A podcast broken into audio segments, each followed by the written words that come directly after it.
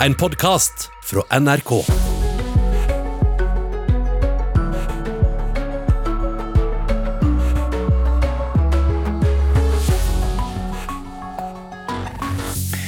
Snart kan stolte foreldre følge sine barn til første skoledag, men det å få være med inn i klasserommet og se poden spent legge pennalet på pulten for første gang, det kan de kanskje måtte skyte en hvit pil etter. Koronakrisen setter klare grenser for hva foreldre får være med på. Oppmøte i skolegården, ja. Bli med inn i bygningen? Nei. Men skolestart blir det, selv om den blir eh, noe annerledes. Vi får assisterende helsedirektør Nakstad hit straks for å fortelle hvilke forventninger vi kan ha, og hvordan koronasituasjonen er akkurat i dag. Og så skal vi snakke med Folkehelseinstituttet og høre med dem eh, hvorfor og hvordan folk den siste tiden har senket skuldrene, og hvordan de kanskje spør heve dem litt igjen for å hindre spredning. Billedlig talt, altså. Altså, Koronaviruset preger eh, også sendingen i dag, men vi skal snakke om Hviterussland også. Brystkreft, krabbekoking og eh, at dagligvarebutikkene våre har økt antall ansatte nå i sommer. Ganske mye, faktisk. Ja, Nyhetsmålet får du i dag med Birger Kolsrud Jåsen og Anne Jetlund Hansen i studio. Neste uke er det skolestart, starten på det nye skoleåret. Og Som vanlig er jo det ganske spennende, men eh, kanskje ekstra spennende i år. Både foreldre og elever eh, syns det antagelig. Særlig fordi det er usikkert om foreldrene får være med inn i klasserommet første time, slik som er vanlig den første skoledagen. Mari Sande Berge hun er den, en av dem som blir stengt ute. Det blir veldig løye, da. Mari Sanden Berge er spent, for sønnen Sander skal begynne første klasse på skolen til høsten. Det er spennende nok det, men første skoledag blir ekstra spennende i år, for hun vet ikke om hun får være med sånn inn i klasserommet for første gang. Det er jo en dag vi har gleda oss til og, og venta på lenge. Første skoledag er en milepæl i livet, og det som det meste annet blir annerledes i år pga. korona. Skoler over hele Norge forbereder seg nå på en annerledes skolestart. På Bøne skole utenfor Bergen er det godt i gang. Det blir jo spennende, og vi gleder oss, og vi føler at vi er klare. Bjørg Vangen er rektor ved Bøne skole. Hun har allerede gitt beskjed til foreldre at de ikke kan være med elevene inn i klasserommet. De får ikke ha foreldrene inn, nei. Det kan vi ikke gjøre. Men foreldre skal få være med til skolegården, og her skal både de og elevene få helse på rektor og lærere, på en koronavennlig måte. Rektor skal fothilse, og kontaktlærer skal albuehilse. Men det er ikke bare håndhelsing og avgrensa besøkstid for foreldre som blir annerledes på Bønes skole i år. Fadderklassen pleier å være med inn i læringsarealene etterpå for å hjelpe dem til rette, men det kan vi jo ikke gjøre i år. Men vi skal ha sang ute fra faddere og fra andreklassinger. Og selvfølgelig flagget til topps. Og vi skal gjøre det til en fin start, selv om det må bli annerledes. Kunnskapsministeren Guri Melby sier det er opp til skolene sjøl å vurdere hva tiltak de må gjøre for at førsteklassingene skal ha en fin start på skolen, som òg er smittevernsmessig forsvarlig. Her er det viktig at alle skoler greier å finne sine lokale løsninger, som både gjør at man følger smittevernregler, men som også gjør at førsteklassingene føler seg trygge og at han har en god første skoledag. På en pressekonferanse senere i dag vil hun presentere oppdaterte råd og retningslinjer for skolestart. Hun tror ikke at det vil bli aktuelt å stenge ned skolene, selv om smittesituasjonen skulle endre seg. Sånn som jeg ser det, så er det ikke noe grunn nå til å tenke at vi er nødt til å stenge skoler nasjonalt, sånn som vi gjorde i mars. Men vi kan drive eh, på rødt nivå med strengere smittevernregler og det vil være fullt mulig å gi et godt tilbud til alle skolebarn over hele landet. Vi lærte jo å tenke alternativt i vår, sånn. og det viktigste er jo at vi føler oss trygge på at vi kan ivareta smittevern og forhindre for mye kontakt og sånn. Sånn at eh, sånn er det, og det skal vi få til. Og hvem som tar avskjeden tyngst første skoledag, blir også spennende å se. Jeg vet jo det at ungene er mer eh, tilpasningsdyktige enn oss, så jeg tror det skal gå veldig fint uansett. Det blir kanskje vanskeligere for, eh, for oss voksne vi får se. Det var i hvert fall eh, Trine Svanholm Misje og Kjartan Røslett som hadde laget denne reportasjen. Espen Rostrup Nakstad, assisterende direktør i Helsedirektoratet, god morgen og velkommen tilbake fra ferie. Takk for det. God morgen. Du, hvorfor er det opp til hver enkelt skole å lage regler for hvordan oppstarten blir? Du kan si eh, Smittevernveilederen for eh, skolene, både barneskolen, ungdomsskolen, videregående og for så vidt også universiteter og høyskoler, legger en del felles føringer i Norge for hva man må innrette seg etter, ut fra hvilket nivå man er på sånn smittemessig i Norge. Og Det er liksom de grunnleggende reglene. Og Så må man gjøre lokale tilpasninger. Hver skole er ulik. Hver kommune er ulik. Det er jo en del kommuner nå som ikke har smitte i det hele tatt, og så er det kommuner som har en del smitte. Så, så noe slingringsmonn må man ha, og det viktigste for oss er jo at barn og ungdom nå kan begynne på skolen eh, omtrent som vanlig, i hvert fall omtrent sånn som de slutta. Eh, selv om det fortsatt er en del smitteverntiltak eh, på plass, som må være der fortsatt. Mm, men Hva slags oversikt har myndighetene da, over hvordan smittevern blir praktisert ved den enkelte skole, og kanskje også hvilke generelle smitteverntiltak som blir innført i, i den enkelte kommunen? Det er jo først og fremst Kunnskapsdepartementet som har ansvar for dette, og dette er jo også et kommunalt ansvar. Men eh, kommuneoverlegene og også helsemyndighetene følger nøye med på dette her. Eh, og Det er en dialog om det. og I disse prosessene hvor man også lager smittevernveiledere nasjonalt, så er jo da eh, undervisningssektoren tungt inne. Eh, men det er klart at ting kan være ulikt mellom skoler i samme kommune og mellom kommuner. Det kan det være. Men grunnreglene og veiledningen generelt er den samme for hele landet. Mm. Du har vært eh, snakket mye om, om, ungdom og unge voksne de siste dagene. Også i går kveld og i natt rapporterer politiet om store samlinger av ungdom, bl.a. i Frognerparken i Oslo, og at svært få følger smittevernreglene. Politiet sier også at en del ungdom uttrykker at de ikke har noen tro på disse smittereglene, og at det nærmest er falske nyheter. Hva forteller det deg? Det forteller meg at eh, de som eh, i hverdagen er minst påvirket av det selv, og ja, ikke blir så veldig syke, mange av dem heller, eh, de tenker minst på dette. Mens andre grupper og eldre voksne de tenker mer på dette og tar det mer inn over seg. Det har vi jo sett for så vidt hele tiden, men det skal jo sies at unge voksne også var veldig flinke det foregående halvåret til å følge disse reglene og deltok i dugnaden. Eh, men det er skuffende nå å høre sånne utsagn. Og det er absolutt noe vi ikke trenger nå når vi går inn i høsten. Hvis vi ønsker både skolestart og, og start på universiteter og høyskoler på en tilnærmelsesvis eh, normal måte, så er dette ikke måten å starte på. Mm, men det er vel ikke så rart heller at de, at de samles da, nå ved studiestart? Det blir jo mye klaging på, på ungdommen? Det er ikke rart. og det er klart Unge mennesker etter ferien vil møtes. og August er en måned med mye fest og sammenkomster eh, vanligvis. Eh, så det er veldig forståelig. Men eh, man må følge de samme reglene både for maksimalt antall og avstand til hverandre, selv om man er student, som alle andre. Mm, dette kommer da samtidig som at alle utesteder nå er pålagt å stanse alkoholserveringen ved, midnatt. Kan det, det tiltaket ha virket mot sin hensikt? Det er veldig usikkert, og det tror jeg andre skal uttale seg om. Eh, jeg tror det at man er både på vorspiel og går ut på byen og drar på nachspiel etterpå, det jeg tror jeg eh, er en sånn sammenhengende kjede av festing som man er innstilt på mentalt eh, når fredag eller lørdag kommer. Og, og Om man er på det ene stedet eller andre stedet, det er jeg ikke sikker på om det bestyr så veldig mye. Problemet her er at folk uansett ikke følger reglene når de er på fest, og når alkohol er involvert, så blir den meteren veldig kort. og Det er et hovedproblem uansett hvor du fester. Mm. Oslo har de siste to ukene registrert 22,49 eh, smittede per 100 000 innbyggere. Dermed går altså smittetallene i kommunen over dette gjeldende kravet da, som Folkehelseinstituttet har for andre land. Helsedirektør Bjørn Gullvåg sier til Aftenposten i dag at han er bekymret for at Oslo skal miste kontrollen. Hva skal til for at hovedstaden ikke skal komme bakpå nå? Det som skal til både for Oslo og andre steder som har en økning av smitte, det er at man er veldig eh, fremme, langt framme i skoene når det gjelder testing og smittesporing. Eh, nå har vi en god analysekapasitet, vi kan teste veldig mange, men det er klart prøvene skal tas av personer. Og hele systemet med hvordan du får tatt en test eh, og logistikken rundt det, og ikke minst smittesporingen etterpå, er veldig ressurskrevende.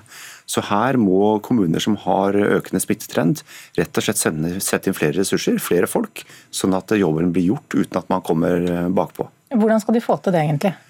Nei, Det er et spørsmål om organisering. Det å drive smittesporing betyr jo i bunn og grunn å sitte og ringe til folk som eh, den syke har rapportert at han har hatt kontakt med.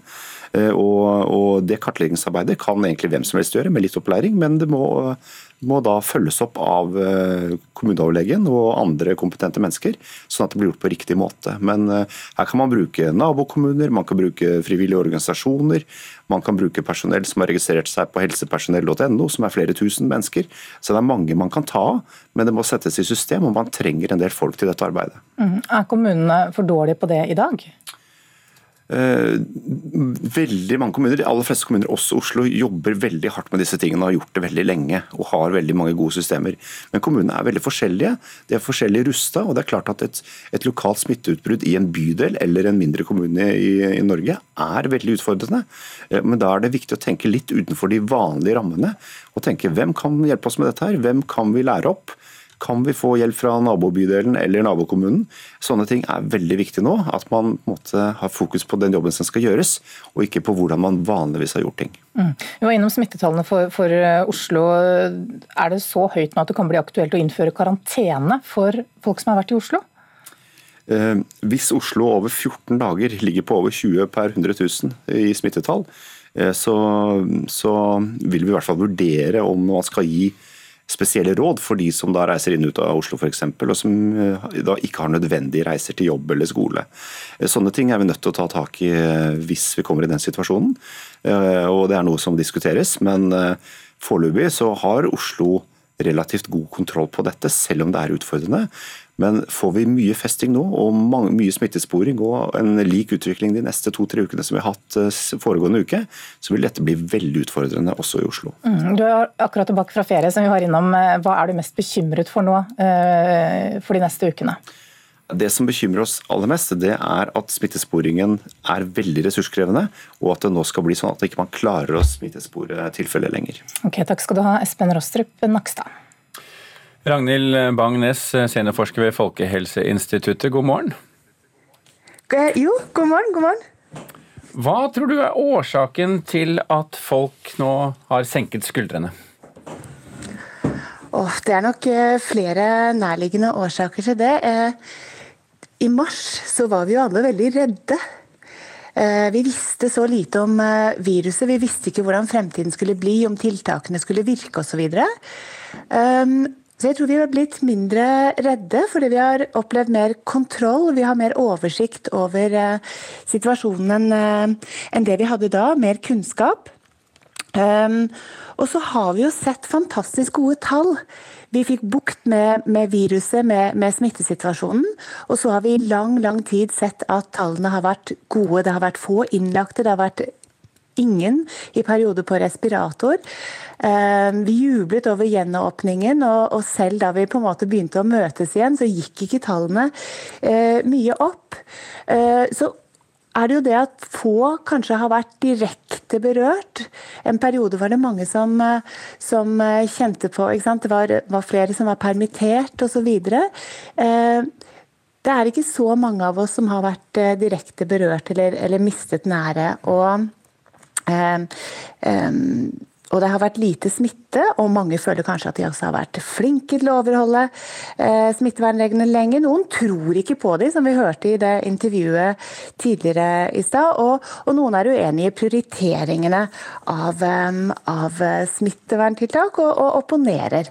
Mm, men, men, hvordan er vi skrudd sammen psykologisk når, eh, når vi nå kanskje står foran en, en, eh, periode hvor vi må tilbake i sånne ubehagelige eh, karantenesituasjoner?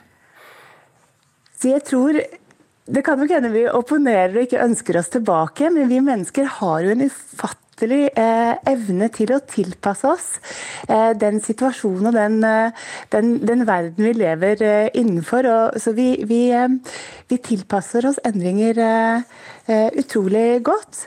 Og det er klart at vi er kanskje forholdsvis korttenkte i, i forhold til altså det, det kan være langt frem til altså, situasjonen virker kanskje eh, abstrakt, det å sette seg inn i uh, nå at, eh, at, det skal gå så mye verre. Men, men med tiltak og, og, med endringer i smitteverntall, så, så, tror jeg folk vil tilpasse seg. Og særlig selvfølgelig hvis man blir mer berørt da, enn man det man har vært. Ja, ja, Hva skal til da, tror du, for at folk skal skjønne alvoret hvis nå situasjonen endrer seg til det verre?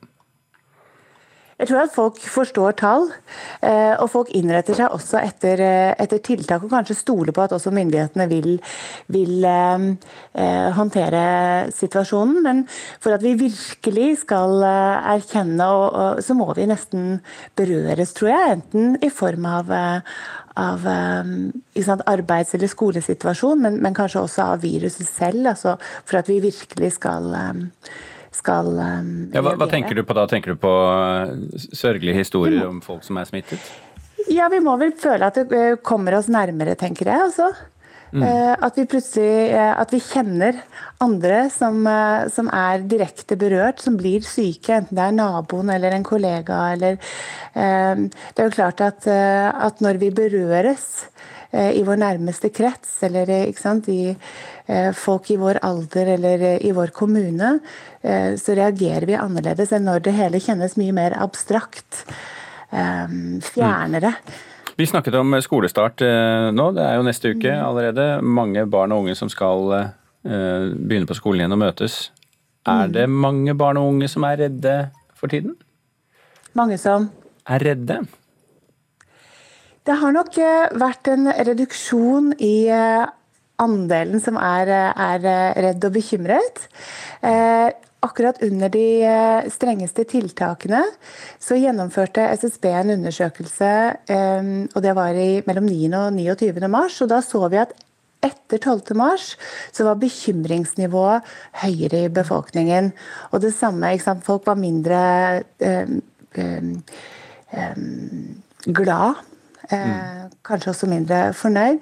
Eh, Bekymringsnivået nå ligger vel sannsynligvis omtrent på samme nivå som, eh, som før pandemien. Vi har ikke sett på tall for det, eh, men vi ser at folk i hvert fall er omtrent like fornøyd som det de var i februar eller januar. Ja, så håper vi at det kan fortsette sånn også, at, at verden er slik at vi klarer å være fornøyd med den.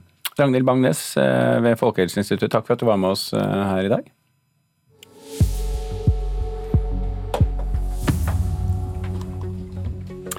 Ja, da har eh, klokken rukket å bli ja, det nærmer seg ti på halv åtte, for å være presis. Det er Nyhetsmorgen du hører på, og her er våre viktigste saker i dag.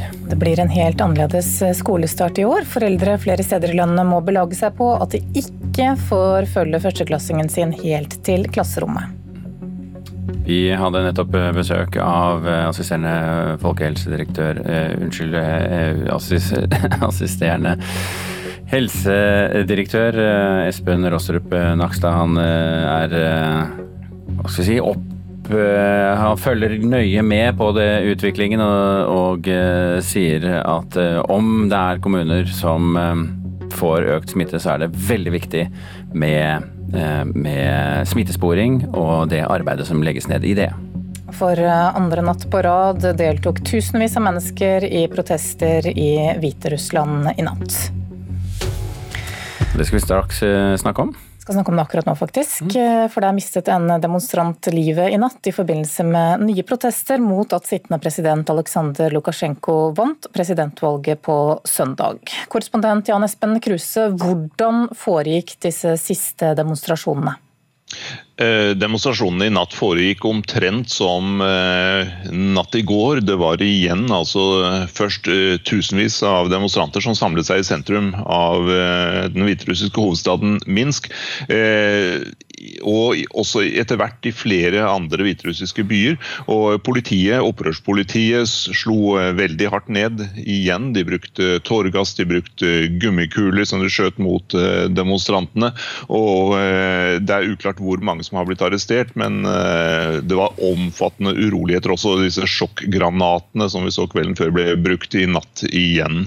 Eh, Og ifølge politiet så ble altså én eh, demonstrant eh, Det var én demonstrant som mistet livet i eh, natt. Eh, Ifølge politiet så skal han ha forsøkt å kaste en sprengladning mot politifolk. Eh, Ifølge andre meldinger så var det snakk om fyrverkeri som eksploderte, og som gjorde at vedkommende mistet livet. Så altså, det, ble satt i, i, i verk strenge, svært strenge og tøffe tiltak igjen fra myndighetenes side. Mm, Så vet vi at opposisjonskandidat Svetlana Tsikhanouska har gått i dekning. Hva er kjent om hennes situasjon nå? Ja, eh, Der er det litt uklart. I går så leverte hun inn et krav til den sentrale valgkommisjonen i landet. eh, Et krav om at det måtte gjennomføres en ny opptelling av eh, valgresultatet. For hun godtar jo ikke det valgresultatet der president Lukasjenko har ifølge offisielle tall da, vunnet eh, 80% av stemmene. Og I forbindelse med at hun leverte inn dette kravet, så sa hun at hun har tatt en avgjørelse og at hun må ta hensyn til barna sine. Hva det betyr er litt uklart, for eh, barna hennes skal eh, ha blitt sendt ut av Hviterussland til et annet land, uten at vi vet hvilket land det er. Og det er uklart om hun har reist til et annet land, eller om hun oppholder seg fortsatt i eh, Hviterussland. Men Tikhanovskaja har naturligvis Hun er redd for for at hun eh, skal bli arrestert og stilt til ansvar for disse demonstrasjonene som pågår nå.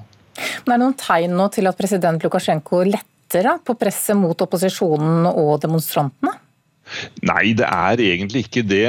Eh, metodene som ble tatt i bruk i natt var like tøffe som, som dagen før. I går sa han han karakteriserte opposisjonens tilhengere som en saueflokk, og sa at han vil slå hardt ned på enhver form for demonstrasjoner. Så eh, det er ingen tegn til at eh, eh, president Lukasjenko vil gi etter for opposisjonens krav. Han ironiserte også over at deres krav om at han bør overgi makta til opposisjonen på fredelig vis, det er helt uaktuelt. Ingen skal kunne bryte opp og ødelegge dette landet, sa presidenten i går.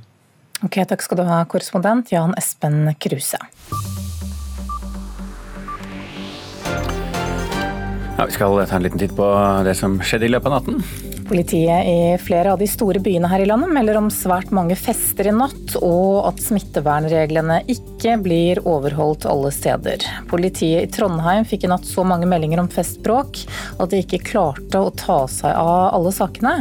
I Oslo samlet over 1000 mennesker seg i Frognerparken, og politiet opplyser at de i det siste har opplevd flere unge som mener smittevernreglene er falske nyheter. Det er registrert 46 eh, nye tilfeller av koronasmitte i Norge det siste døgnet, viser tall fra Folkehelseinstituttet. Økningen er noe større enn forrige døgn, og siden lørdag har det blitt registrert 170 nye tilfeller her i landet. I alt har 9684 eh, mennesker her i landet fått påvist smitte, og 256 personer har dødd av eller med koronaviruset. I USA ble president Donald Trumps pressekonferanse i Det hvite hus avbrutt ved midnatt, og presidenten ble eskortert bort av sikkerhetsvakter. Etter kort tid så returnerte han tilbake til presserommet og fortalte at det hadde vært en skyteepisode utenfor Det hvite hus, men at situasjonen var under kontroll. En person ble skutt av en Secret Service-agent og kjørt til sykehus. Det er uklart eh, hvorfor og hva som skjedde, og ifølge Secret Service så ble også en av deres medarbeidere skadd og kjørt til eh, sykehus. Og det kommer jo sannsynligvis noen flere detaljer om dette her utover dagen. Her er noe av det du får vite mer om hvis du følger med på NRK Nyheter i dag. Regjeringen holder pressekonferanse i ettermiddag. Temaet er skole og studiestart. Det blir jo en litt annerledes skolestart i år. Flere steder må foreldre f.eks. For belage seg på at de ikke får følge førsteklassingen sin helt til klasserommet. Pressekonferansen starter klokka 16. Den kan du følge her i NRK. Rettssaken mot Sudans tidligere president Omar al-Bashir starter i dag. Al-Bashir ble avsatt etter et folkeopprør i fjor. Han er funnet skyldig i korrupsjon og dømt til to års soning i en straffanstalt for eldre fanger. Rettssaken i dag handler om tiltalen for kuppet som brakte ham til makten i 1989. Den tradisjonelle måten å koke krabber på kan være dyreplageri, sier Mattilsynet. Nå finnes det egentlig for lite forskning om hvordan krabber og hummer opplever smerte, så det ønsker Mattilsynet å eh, forske mer på. Men i mellomtiden anbefaler de derfor å stikke krabben eller hummeren før du slipper den ned i kokende vann. Krabber blir tradisjonelt sett sluppet i kokende vann når privatpersoner tilbereder krabber. Denne metoden vet vi for lite om og kan være dyreplageri, forteller seksjonssjef ved Mattilsynet Fride Andersen. Vi vet veldig lite om hva som egentlig skjer, altså hva man utsetter krabben for. Det er veldig vanskelig for oss å vite reelt sett hva en krabbe føler smerte. Det vi vet er at krabben reagerer på temperatur, og, og den får en fluktreaksjon. Men uh, utover det så er det jo vanskelig å vite eksakt, og derfor skal man heller ikke gjøre det. Forsker ved Havforskningsinstituttet, Gro van Mern, forteller at de nå skal starte et forskningsprosjekt for å få større innsikt over hvordan krabber og hummer opplever smerte. Mern håper forskningsprosjektet kan gi tydeligere retningslinjer på hvordan en skal behandle sjødyr. Det er eh, planlagt et prosjekt eh, samarbeid mellom Nofima og Havforskningsinstituttet for å måle på stresseffekter, hva skjer inni kroppen, nervesignaler. For å se hvor sterke signalene er, og hvor lenge de varer i de forskjellige avlivningsmetodene. Vi håper å komme i gang i sommer. For dette vet vi for lite om, og så lenge vi ikke kan gi råd basert på kunnskap, så er det den metoden som gjør at dyret dør fortest. Uten unødvendig skade, som eh, vi kan anbefale. Profesjonelle krabbefiskere bedøver krabbene før de kokes. Denne praksisen mener Meren er forsvarlig ut fra kunnskapen vi har i dag. Den eneste stedet som har skikkelig stort industrielt mottak, de har et eh, bedøvelsesbad, jeg tror det er isvann. Og så går de rett over i eh, kokende kokekar. Tenker du at det er en hva kaller det human måte? Når de får inn fem tonn krabbe som skal kokes den dagen, så mener jeg at det er kanskje den beste løsningen jeg kan se for meg av de som finnes. Ved private som ønsker å koke krabber, er rådene noe annerledes. Mattilsynet råder til å bedøve krabben ved hjelp av en kniv. Da skal du bedøve den på forhånd. og Det gjør du med å eh, ta en skarp, litt kraftig kniv.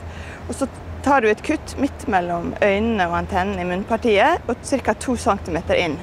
Og Da eh, ødelegger du det nervesenteret som går på sensorisk eh, stimuli, dvs. Si lukt, smak, følelser. Eh, og da er krabben godt bedøvet. Og så vil man oppleve at den gjerne spreller, og det er fordi at det motoriske senteret som styrer bevegelse, det befinner seg lenger bak. Men da er krabben bevisstløs, og da kan man koke den eh, levende. levende ja.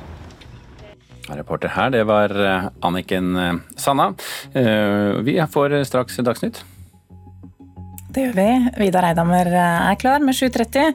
Vi snakket jo om Hviterussland og demonstrasjoner der eh, nå for noen minutter siden. Etter klokka åtte så skal vi til eh, Polen, der det også er store demonstrasjoner for tiden. Mm. Og om ca. ti minutter så skal vi dessuten snakke om midlertidig ansatte i dagligvarebutikkene. For det er aldri så gærent at det ikke er godt for noe. Norgesgruppen viser at deres butikker har, hatt, har ansatt nesten 2000 flere midlertidig ansatte i sommer. Og vi skal snakke mer om det om ti minutter. Først Vidar Eidhammer og Dagsnytt.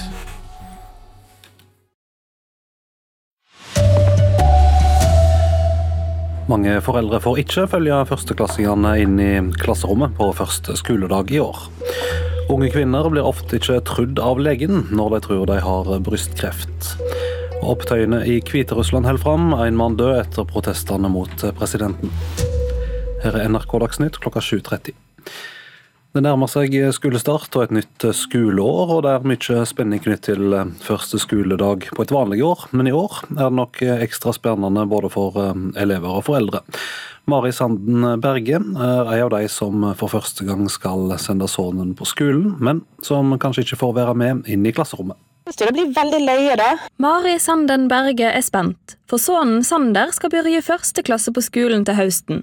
Det er spennende nok det, men første skoledag blir ekstra spennende i år, for hun vet ikke om hun får være med sønnen inn i klasserommet for første gang. Det er jo en dag vi har gledet oss til og, og venta på lenge. Første skoledag er en milepæl i livet, og det som det meste annet blir annerledes i år pga. korona. Skoler over hele Norge forbereder seg nå på en annerledes skolestart. På Bønes skole har rektor Bjørg Vangen allerede gitt beskjed til foreldre at de ikke kan være med elevene inn i klasserommet. De får ikke ha foreldrene inn, nei. Det kan vi ikke gjøre. Men foreldre skal få være med til skolegarden, og her skal både de og elevene få helse på rektor og lærere, på en koronavennlig måte. Rektor skal fothilse, og kontaktlærer skal albuehilse. Men det er ikke bare håndhelsing og avgrensa besøkstid for foreldre som blir annerledes på Bønes skole i år. Fadderklassen pleier å være med inn i læringsarealene etterpå for å hjelpe dem til rette, men det kan vi jo ikke gjøre i år. Kunnskapsministeren Guri Melby sier det er opp til skolene sjøl å vurdere hva tiltak de må gjøre for at førsteklassingene skal ha en fin start på skolen, som òg er smittevernsmessig forsvarlig. Her er det viktig at alle skoler greier å finne sine lokale løsninger, som både gjør at man følger smittevernregler, men som også gjør at førsteklassingene føler seg trygge og at han har en god første skoledag. Og Hvem som tar avskjeden tyngst første skoledag, blir også spennende å se. Jeg vet jo at ungene er mer eh, tilpasningsdyktige enn oss, så jeg tror det skal gå veldig fint uansett. Det blir kanskje vanskeligere for, eh, for oss voksne. Reportere Trine Svanholm Misje og Kjartan Rørslett. Assisterende direktør i Helsedirektoratet Espen Råstrup Nakstad, hvorfor er det opp til hver enkelt skole å lage regler for oppstarten? Vi har en nasjonal veileder for skoler og og også høyskoler og universiteter, som legger noen føringer. Men så må man jo finne lokale tilpassinger her ut fra situasjonen i den enkelte kommune, og hvordan man da skal møte de nye elevene på best mulig måte når skolen begynner. Politiet både i Oslo og Trondheim eh, har meldt om mange fester med flere enn 20 deltakere i, i natt, og også i helga som var. og Politiet i Oslo sier somme sier de tror smittevernreglene er falske nyheter. Hva forteller det deg? Det forteller meg at vi fortsatt har en jobb å gjøre, og at vi må fokusere innsatsen enda mer på unge voksne som eh, nå også viser seg på statistikken at det er de som faktisk blir mest smittet eh, for tiden.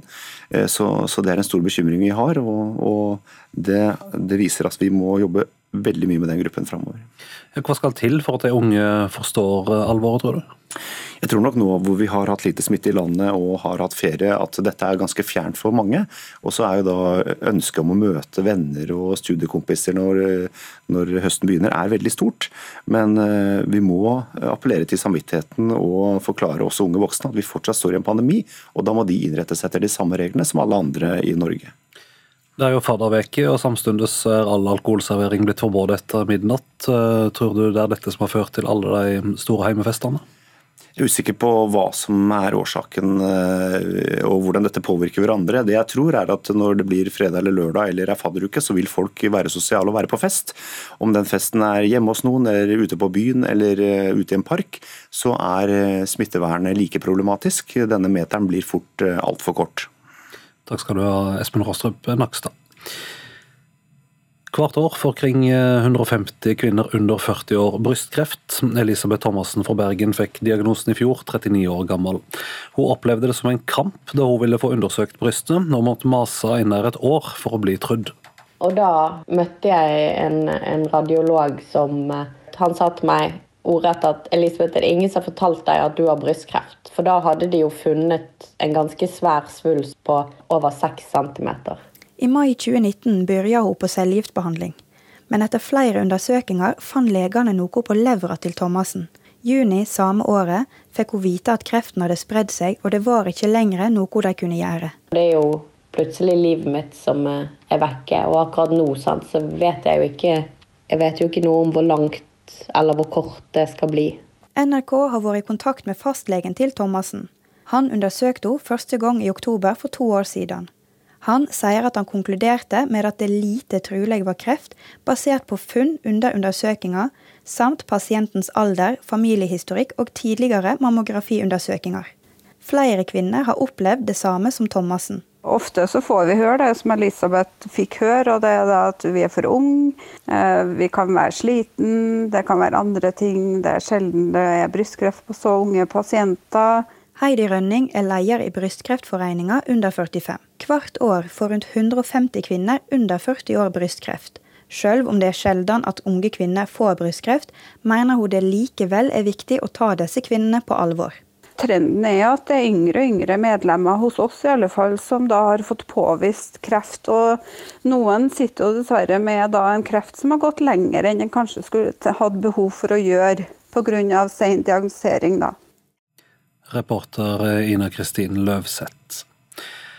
Demonstrasjonene i Hviterussland holder fram. Tusenvis protesterer mot valgresultatet, der sittende president Aleksandr Lukasjenko hevder å ha fått 80% av røystene. Én person har mista livet i uroa.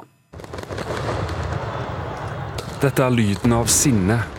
Fyrverkeri og slagord ble møtt av gummikuler og tåregass.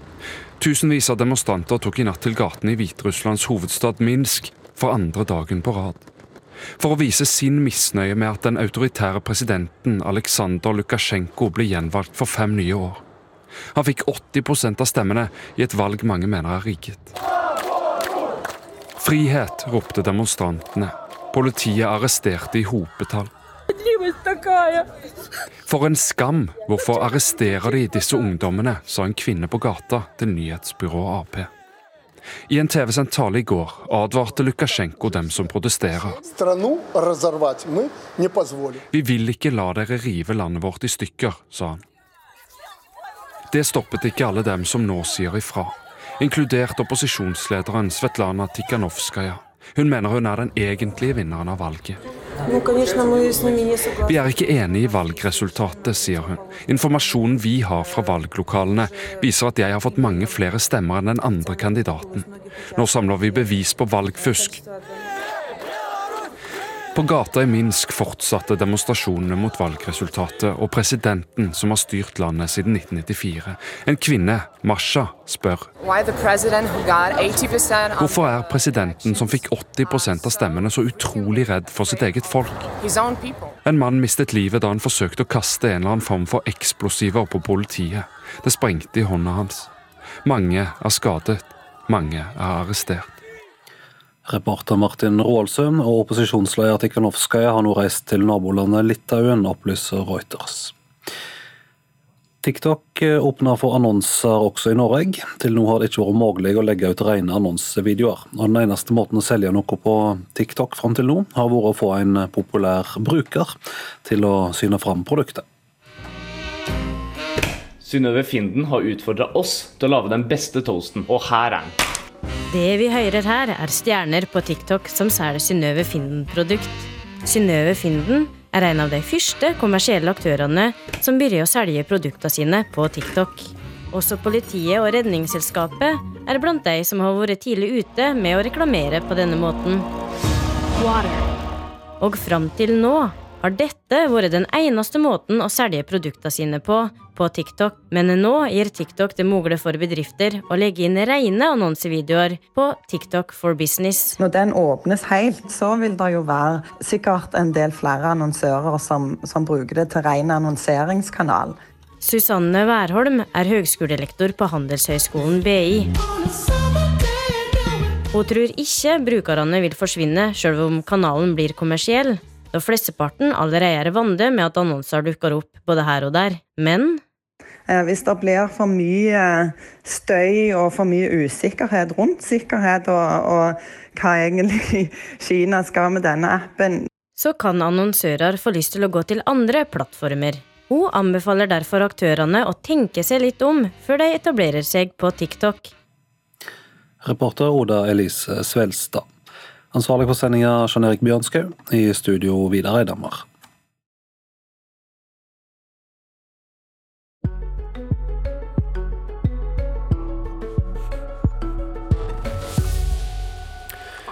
Aldri så gærent at det ikke er godt for noe. Koronastengt svenskegrense bl.a. Det har gitt rekordomsetning for mange av landets dagligvarebutikker. Men mindre handelslekkasje til Sverige har også ført til at mange flere har fått seg jobb i disse butikkene. Butikksjef Marte Sand på Kiwi ved Hjemselund i Kongsvinger har hatt langt flere ansatte i år enn normalt de siste månedene. Jeg vel oppe i tolv som vi har ansatt ekstra. Det er det dobbelte. Det skaper et helt annet samhold da, når vi er så mange på jobb. Det, liksom, er, det blir veldig god stemning. Jeg skal, jeg skal gå på frysa. Langt flere kunder enn vanlig har gitt travle dager for de ansatte på Kiwi-butikken ved Hjemslund i Kongsvinger. Flere kunder har gitt rekordomsetning, noe som igjen har ført til en dobling av staben. 18 år gamle Tobias Sørli er en av de nye midlertidig ansatte i butikken. Min jobb er å sitte i kassa og ordne med varene og fylle på varer. Hvordan er det? Nei, det er gøy å få seg jobb. Det er den første jobben, så Og 18-åringen er bare én av veldig mange som har fått en jobb å gå til i sommer. Pga. mindre svenskehandel, flere ferierende i eget land og færre restaurantbesøk enn vanlig. Landets Kiwi, Joker og Spar-butikker har alene ansatt 2000 flere personer i år, sammenlignet med samme periode i fjor. Dette er jo midlertidig ansatte for å ta unna den økte trafikken i mai, juni og juli. Men det viser jo også hvor stort potensial en, en flytting av handel over til Norge har. Det sier Stein Rømmerud, konserndirektør for kommunikasjon og samfunnskontakt i Norgesgruppen. Coop Norge har ikke eksakte tall, men opplyser til NRK at også mange av deres butikker har tatt inn ekstrahjelp pga. økt omsetning. Deltidsansatte har også fått flere timer med jobb enn det som var planen. Marte Sand er strålende fornøyd med at hun har kunnet glede mange arbeidssøkere i år. Det er veldig gøy.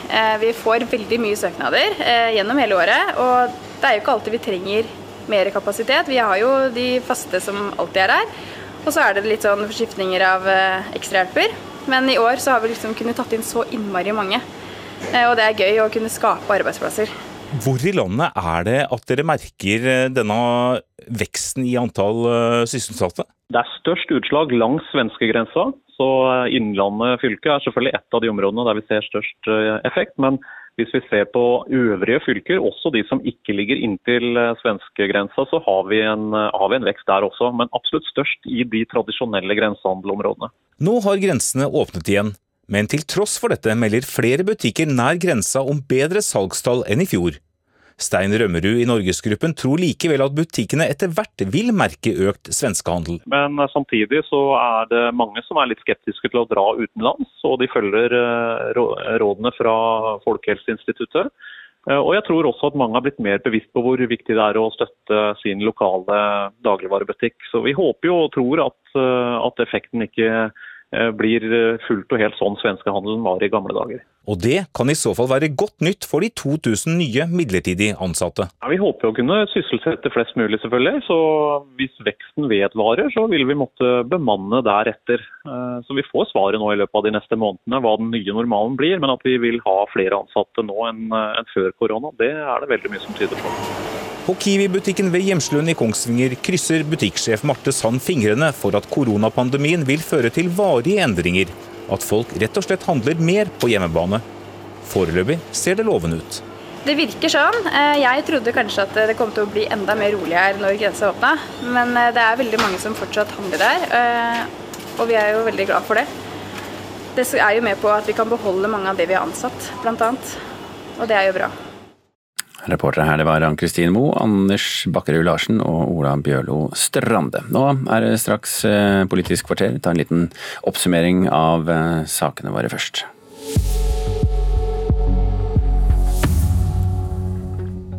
Mange foreldre får ikke følge førsteklassingene inn i klasserommet på første skoledag i år, men til skolegården, det skulle gå greit de fleste steder.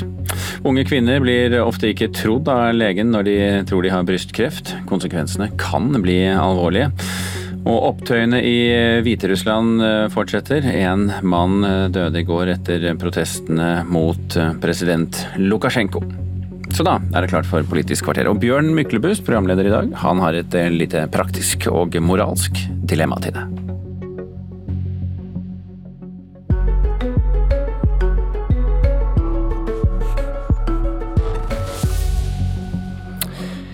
Du stirrer inn i kjøleskapet en søndag ettermiddag. Det ligger an til en særdeles stusslig matpakke til barna i morgen, men du har den søndagsåpne Brustadbua. Så står du der utenfor butikken. Trengsel, fullt av folk, og du kommer på korona. Går du inn? Akkurat det kan du tenke på i fem-seks minutter, for først i Politisk kvarter ønsker jeg velkommen til helsebyrådet i Oslo, Robert Steen fra Arbeiderpartiet. God morgen. God morgen. For hva gjør du hvis det er lørdag i Oslo, du har symptomer på korona og lurer på om du bør bli testet. For smitten økte i Oslo, og for tre dager siden ringte over 5300 koronatelefonen. 93% av dem fikk ikke svar. Kun 360 fikk det. Og Sten, hadde de noen annen mulighet for å spørre om de burde testes enn denne koronatelefonen deres? Ja, Vi har også muligheter til å uh, henvende oss til smittevernteamene i bydelene. Uh, der finnes det egne både mailadresser og kontakttelefoner. Det står ikke på deres hjemmeside. Der står det 'kontakt fastlegen din', dette var en lørdag, mm. eller 'ring koronatelefonen'. Mm. Mye av det som skjedde i Oslo i forrige uke, var jo også relatert til fire fester i bydel Vestre Aker. Men nå, nå var vi på det, det er koronatelefonen disse skulle ringe når du føler deg sjuk på lørdag og du får jo ikke tak i fastlegen din, da skal du ringe denne koronatelefonen. Det er helt, riktig. Det er helt ja. riktig. I tillegg så skal du gå i isolasjon, sånn at du ikke risikerer å smitte andre. Det er helt riktig. Dere mente det var nok å ha kapasitet til 360 henvendelser på en dag det ikke er mulig å få tak i fastlegen? Eh, det er jo slik situasjonen har vært i sommer. eh, Og så fikk vi en voldsom eksplosjon. Vi gikk fra 500 telefoner om dagen til 5000 telefoner om dagen i løpet av et par dager. Eh, Og det kom nok som en liten overraskelse på oss. Nå er det slik at koronatelefonen skal eh, besettes av helsepersonell, fordi en av de tingene de skal gjøre er jo akkurat det som du er inne på, nemlig å eh, anslå om symptomene gir grunnlag for testing for korona. Og det å skaffe mennesker som kan ta 5000 telefoner med helsepersonellbakgrunn, gjør at vi måtte skaffe mer enn 100 mennesker i løpet av et par dager. Det klarte vi ikke. Men du, du var inne på det, du sa dette kom som en overraskelse. Du sier til Aftenposten det var vanskelig å forutsi dette. Situasjonen var veldig kontrollert og smittetallene lave. Det var vanskelig å forutse dette. Har, har du som øverste ansvarlig for å bekjempe korona i Oslo lest Folkehelseinstituttets risikovurdering fra 1.7? Jeg har lest den. Hva står det? Eh, Ja, Det kommer an på hvilken del av risikovurderingen du innvender deg til. Jeg vil tro den sentrale delen er sitat, det er høy sannsynlighet for økt lokal smitte noen steder som følge av store arrangementer i sommer, mange folk på serveringssteder og utstrakt innenlandsreising. Det er høy sannsynlighet, og du sier dette var vanskelig å forutsi. Mm. Og Det er jo helt riktig som uh, Helsedirektoratet sier. Uh, Vi var engstelige når vi fikk Black Life Matters-demonstrasjonen i juni. Da var det 13 000 mennesker som samlet seg i demonstrasjoner i Oslo. Vi var redde for at det skulle gi utslag. Vi var redde når sommerdagene kom i juni og folk eh, samlet seg på strender og på Sørenga for å bade. Vi var engstelige når vi så at det var mye ungdommer som var i parkene i sommerdagene. Og ikke noe av dette slo ut i smitte. Eh, Nå kom det som en konsekvens av fire fester i Søndre i Vestre Aker i eh, begynnelsen av august. Disse festene kunne ha vært i begynnelsen av september, kunne ha vært i begynnelsen av mai. Jeg tror litt av utfordringen for ledere Men, men, men det, det, det, dere var jo advart om, om dette av våre fremste eksperter. Hvordan kan du si at det var vanskelig å forutsi? Det var jo dette dere skulle være forberedt på. Jo, men det var ingen som sa at det var denne helga det skulle komme. Syns du det du sa nå var en god forklaring? Nei, eh, det er ikke det. Eh, Men det jeg prøver å si er at det å Du skal vel være forberedt på dette når som helst? Du blir jo ikke varsla om dette? Neida, men vi kan samtidig ikke ha full beredskap i en organisasjon over mange år. Dette er jo en maraton som går over lang, lang tid. Og kanskje det viktigste for en leder i krisetid som går over tid, det er å vite når sine folk skal hvile. Og for oss så var det nå i sommer. Og hvis dette var vanskelig å forutsi, som du da påstår, så kan jo ingen anklage deg for å ikke ha gjort jobben din heller. Eh, Jeg tror alltid vi skal ta ansvar, vi som har ansvar. Og vi skal nå gjøre vårt for å oppbemanne både koronatelefonen og testkapasiteten i Oslo i tråd med det som nå er behovet. Hvis 5000 ringer i dag, hvor mange får svar? Nå klarte vi å få ansatt ti til på koronatelefonen i går, eh, så jeg håper jo at det er vesentlig flere enn det som var på lørdag. i hvert fall. Tusen? Kanskje. Du, da lurer vi jo på, hva skjer hvis vi får en ny situasjon som i mars, med stor ukontrollert smitte? Nei, Det er jo en alvorlig situasjon. Eh, Derfor er det veldig viktig at eh, nå eh, vi som bor i denne byen, i hele landet, opprettholder smittevernreglene våre. At vi går tilbake til den atferden vi hadde i våres, og som var veldig bra.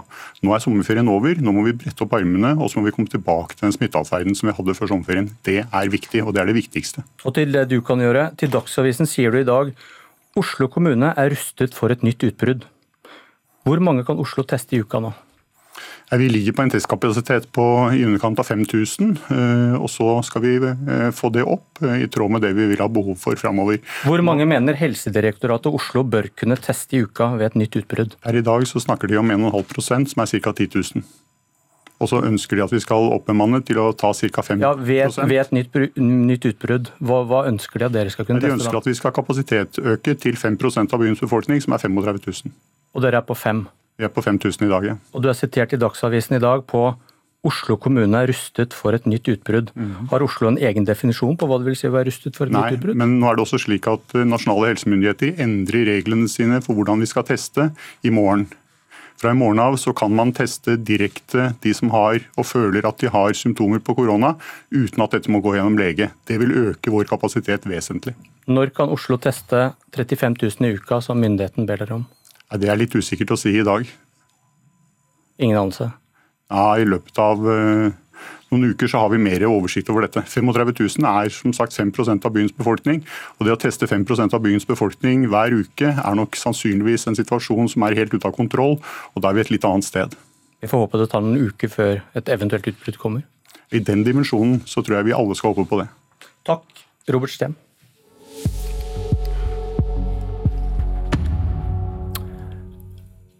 Og nå har dere kanskje bestemt dere for om dere går inn i den butikken. Bård Hoksrud fra Fremskrittspartiet, velkommen. Takk for det.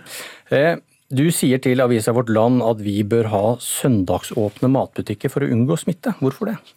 Det er jo nettopp fordi vi har disse Brustadbuene som er på under 100 kvadrat. og Det var bekymring fra kunder det var bekymring for de som driver disse butikkene. Når også nabolokalet er helt tomt. Det er på flere hundre kvadratmeter. Og så kunne man brukt det istedenfor at man skal stå i kø og inn i en bitte, bitte liten butikk med de farene det er for økt smitterisiko. Det var det det handla om, eh, og det er det jeg er opptatt av. Derfor mener jeg man bør åpne de store butikkene, og ikke bare ha disse små brustabuene oppe. Har Folkehelseinstituttet eller noen andre eksperter pekt på at trange søndagsbutikker er et problem med tanke på smittespredning? Nei, Jeg opplever ikke at FHI eller andre myndigheter har gjort det, men, men jeg opplever stor bekymring fra kundene, og det syns jeg faktisk man skal ta på alvor. Og alle vet at hvis man står tett, så er faren for økt smitte den er kraftig økende. Altså, det er jo énmetersregelen osv. Eh, og Det er jo det det handler om. og Da mener jeg det er dumt at et svært lokale på flere hundre kvadrat skal stå ledig, mens man er inne i en bitte, bitte lite knøttlite lokale. Men hvor, Hvorfor skulle ekspertene tie om dette med søndagsåpne butikker jeg, hvis det var et problem? Men Jeg opplever jo ikke at ekspertene tier, men de er veldig tydelige på énmetersgrensa, og den kan fort være vanskelig. Jeg, jeg bare vet men de har, de har, ikke sagt noe om disse små Brustadbuene? Nei, de har ikke sagt noe, noe om Brustadbuene, så vidt jeg har fått med meg, men, men alle er jo opptatt av, Vi ser på alle områder i samfunnet nå, så er vi veldig bevisste på at vi gjør alt vi kan for å redusere eh, risikoen for smitte. Og Det er det dette handler om. og Med den bekymringa fra både kunder, fra eh, kjøpmenn osv., så, videre, så mener jeg vi skal ta det på alvor når vi på alle andre områder jobber ekstremt for hvordan vi skal redusere faren for smitte. Ole André Myhrvold fra Senterpartiet, du vil holde søndagene hellig. Eh, handler du selv i søndagsåpne butikker? Det kan nok hende. Hvis det er åpent, så er det nok jeg som alle andre forbrukere at jeg kan eh, finne på å handle. Det handler jo om tilgjengelighet. Og liv og lære, kanskje? Og ja, Litt liv og lære, men jeg tror vi som forbrukere vi handler der det er åpent. Eh, så det kan nok hende at jeg også har vært, blitt observert i en søndagsåpen butikk eller Brustadbu en gang i tida. Ja, det vet ikke jeg noe om, det vet du bedre sjøl. Kan vi hindre smitte, slik Hoksrud argumenterer her? Nei, jeg tror dette handler først og fremst om at Fremskrittspartiet ønsker å utfordre åpningstidsloven, som det er relativt brei enighet i Stortinget om at vi skal ha. Nemlig at søndagene skal være en annerledes dag, både for oss som forbrukere, men ikke minst for de som jobber i dagligvarebransjen. Og nå har de ansatte i dagligvarebransjen stått i et enormt smittepress. De har tatt støyten for oss andre siden i mars, sammen med helse, helsevesenet. Eh, de trenger tid både til å rigge butikkene, vaske ned butikkene, og de står altså i det smittepresset som vi som forbrukere da påfører når vi er inne i, i butikkene. Og Det syns jeg vi skal gi dem anledning til å slappe av litt på søndagen. Eh, og jeg tror også vi som forbrukere har godt av å slappe av litt på søndagen. Og Det er ikke sånn at det er verken varemangel eller mangel på butikker i Norge som, eh, som gjør at vi ikke har plass nok. fordi at Butikkene er oppe seks dager i uka, ofte fra klokka sju til klokka elleve om kvelden. og Da får vi som forbrukere kanskje planlegge litt bedre. Kanskje spre handlinga vår litt utover. Kanskje handle etter Dagsrevyen eller før vi går på jobb om morgenen. Det er litt, litt, morsomt, morsomt, å høre på Senterpartiet. Jeg vet at mange i Senterpartiet bruker søndagen som en arbeidsdag fordi man faktisk må det. Og sånn er det faktisk blitt i samfunnet. Det er mange som som, handler, som, jobber eh, andre dager osv. Og, så og det er jo ikke sånn som eh, Myhrvold sier at dette kommer til å bare gå utover de ansatte. fordi det er jo begrensninger i forhold til hvor mange timer man skal få lov å jobbe i en uke osv. Så, videre. så Så fortsatt vil søndag være en annerledes dag i forhold til alt annet. Men det handler faktisk om å ta folk på alvor. og Det er det jeg mener at jeg gjør med å si at vi ja, la oss nå åpne disse butikkene som står tomme der, eller som, altså, som står stengte. Når altså kunder, når de som driver butikkene sier at dette er smart. Men det virker jo litt som at Senterpartiet er betalt av fagbevegelsen og plutselig blitt veldig opptatt av, av søndagsåpne butikker. Og jeg syns det er morsomt å se fagforeningsfolk, se politikere, som bruker disse søndagsåpne butikkene på en, en sak, og syns det er fantastisk flott. En, en, liten korrupsjonsanklage. Men, men saken er at bransjen sjøl, eh, når dette var aktuelt i mars, eh, så var jo Virke ute og sa at de hadde ikke behov for søndagsåpne butikker. Det er ikke helt Bunn, Bunnpris Coop eh, sa at de hadde ikke behov for søndagsåpne butikker. Og så er det noen lokale eh, kjøpmenn, og jeg registrerte at Hoksrud på sitt Facebook-innlegg henviste til kjøpmannen i Grimstad, som hadde hatt et enormt press nå i juli. Og Det kan jeg jo forstå når nordmenn nå har feriert hjemme, at det har vært et høyt press. Men jeg tror at vi som forbrukere også klarer å organisere de køene, og så kan også kjøpmennene gjøre det. Og så er det jo en dispensasjonsordning i åpningstidsloven åpningstidsloven, hvor man på den type områder kunne ha søkt fylkesmann om en spesialåpning. Men, men, men, men siden du, du, anklager han for at motivet er å liksom få, få, få inn Frp-politikk, han argumenterer jo for at det skal være midlertidig.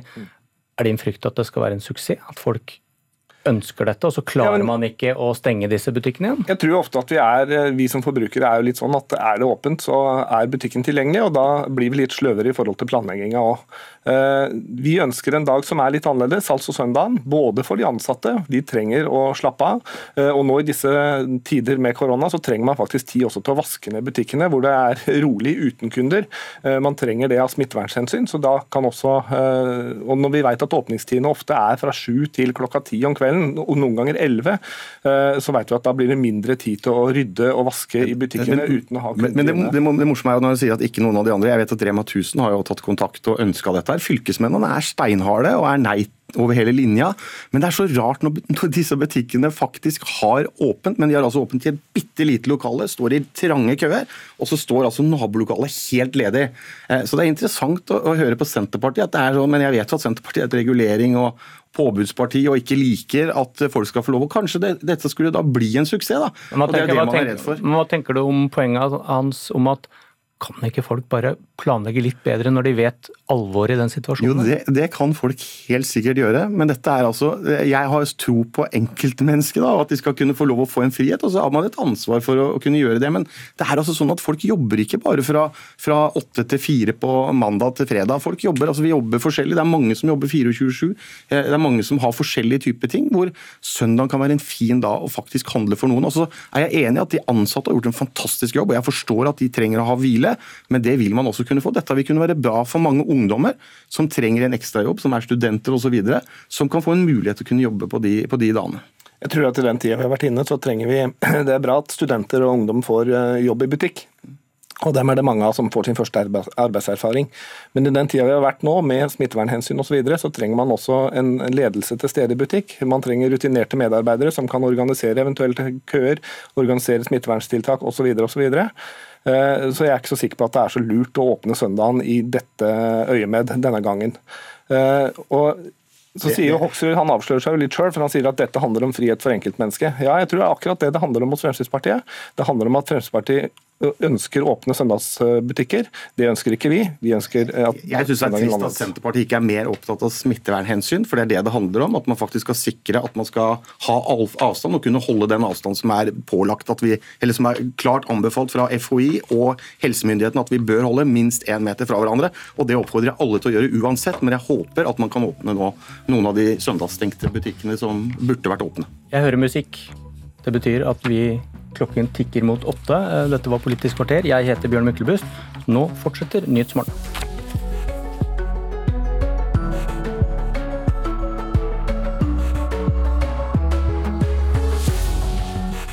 Du har hørt en podkast fra NRK. Hør flere podkaster og din favorittkanal i appen NRK Radio.